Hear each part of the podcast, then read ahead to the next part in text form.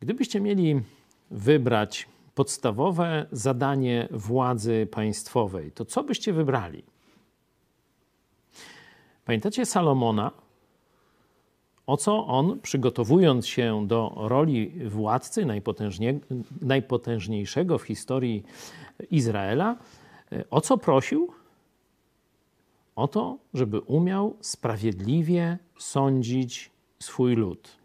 Czytam sobie też e, księgę proroka Samuela. To był właśnie jeszcze czas sędziów, czyli że Bóg wyznaczał sędziów, niekiedy w innych procedurach oni powstawali, znaczy byli do tego urzędu, czy tej roli bardziej powoływani i ich zadaniem było sądzić. Zobaczcie, prawo było ciągle to samo. Bóg objawił prawo Żydom.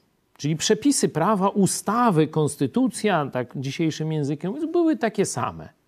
Ale zobaczcie, y, dwa pokolenia sędziów, to jest księga Samuela, ósmy y, rozdział, werset pierwszy i trzeci wam przeczytam.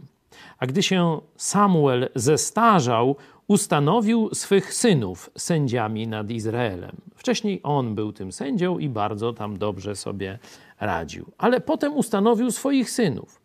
I trzeci werset. Lecz jego synowie nie chodzili jego drogami, gonili raczej za zyskiem, brali datki i naginali prawo.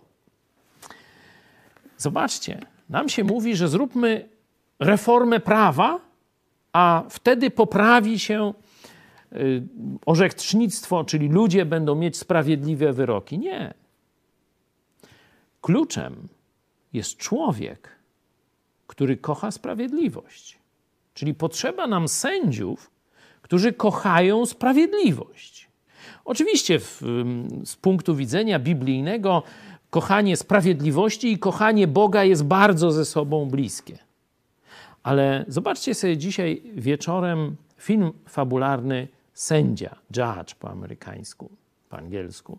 Amerykański film, który pokazuje, jak ten człowiek, tam o Bogu nie ma wiele, jak ten człowiek widział swoją misję sędziego jako wprowadzanie sprawiedliwości. I teraz pytanie, ilu takich sędziów mamy?